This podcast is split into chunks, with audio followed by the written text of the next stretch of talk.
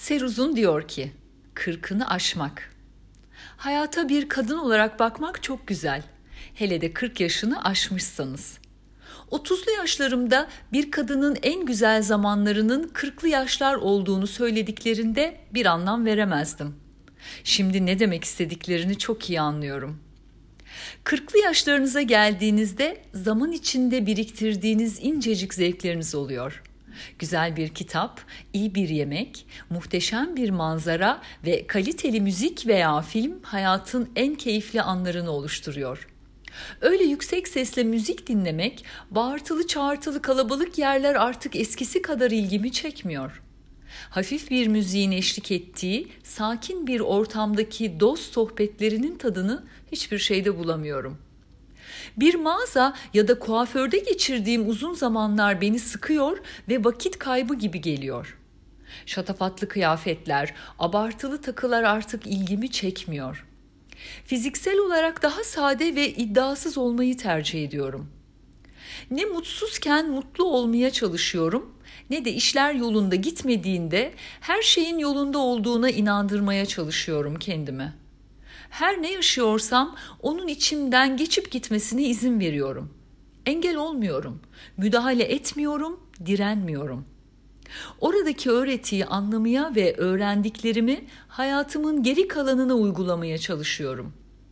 Her ne yaşıyorsam bir benzerini başkalarının da yaşadığını biliyorum. Bu yüzden yaşadıklarımı dramatize etmiyor ve kendime acımadan kabullenmeyi seçiyorum.'' Biliyorum ki hissettiğim tüm bu acılar ve hüzün geçecek. Bundan öncekiler nasıl geçtiyse bu da geçecek. Huzurum ve mutluluğum haklı olmamdan çok daha önemli artık. Kimsenin beni onaylamasına ihtiyaç duymuyorum. Hatalı olabilirim, haksız olabilirim, yanlış yapabilirim. Bu benim en doğal ve insani hakkım.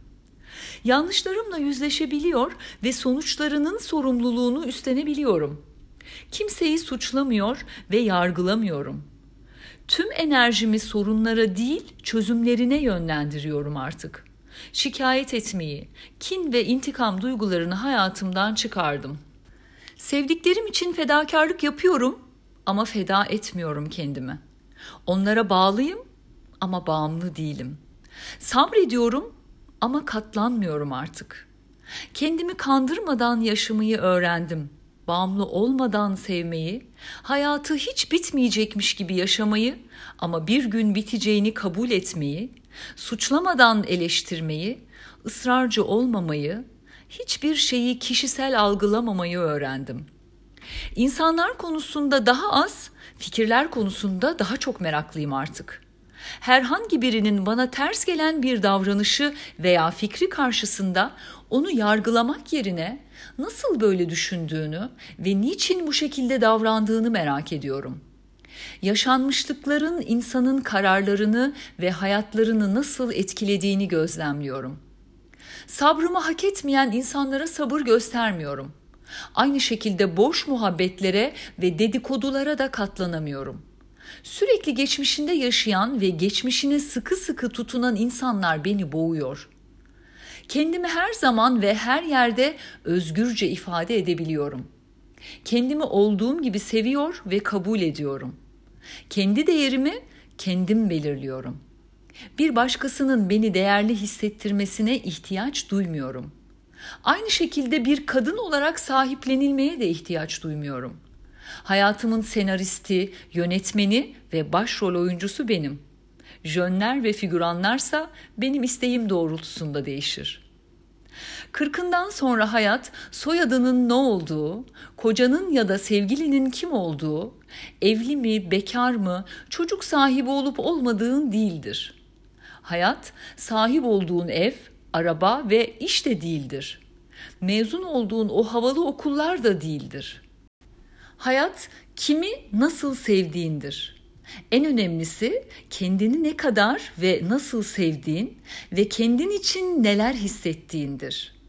Hayat, huzur, neşe, sevgi bulduğun bir insanı tüm engellere rağmen sevmeye cesaret etmektir. Hayat her şeye rağmen koşulsuzca sevmek ve sevilmektir. İnsanların sahip oldukları maddi servetleri ve değerleri değil, saf benliklerini, kartvizitsiz gerçek kimliklerini, ruhlarını olduğu gibi görmektir.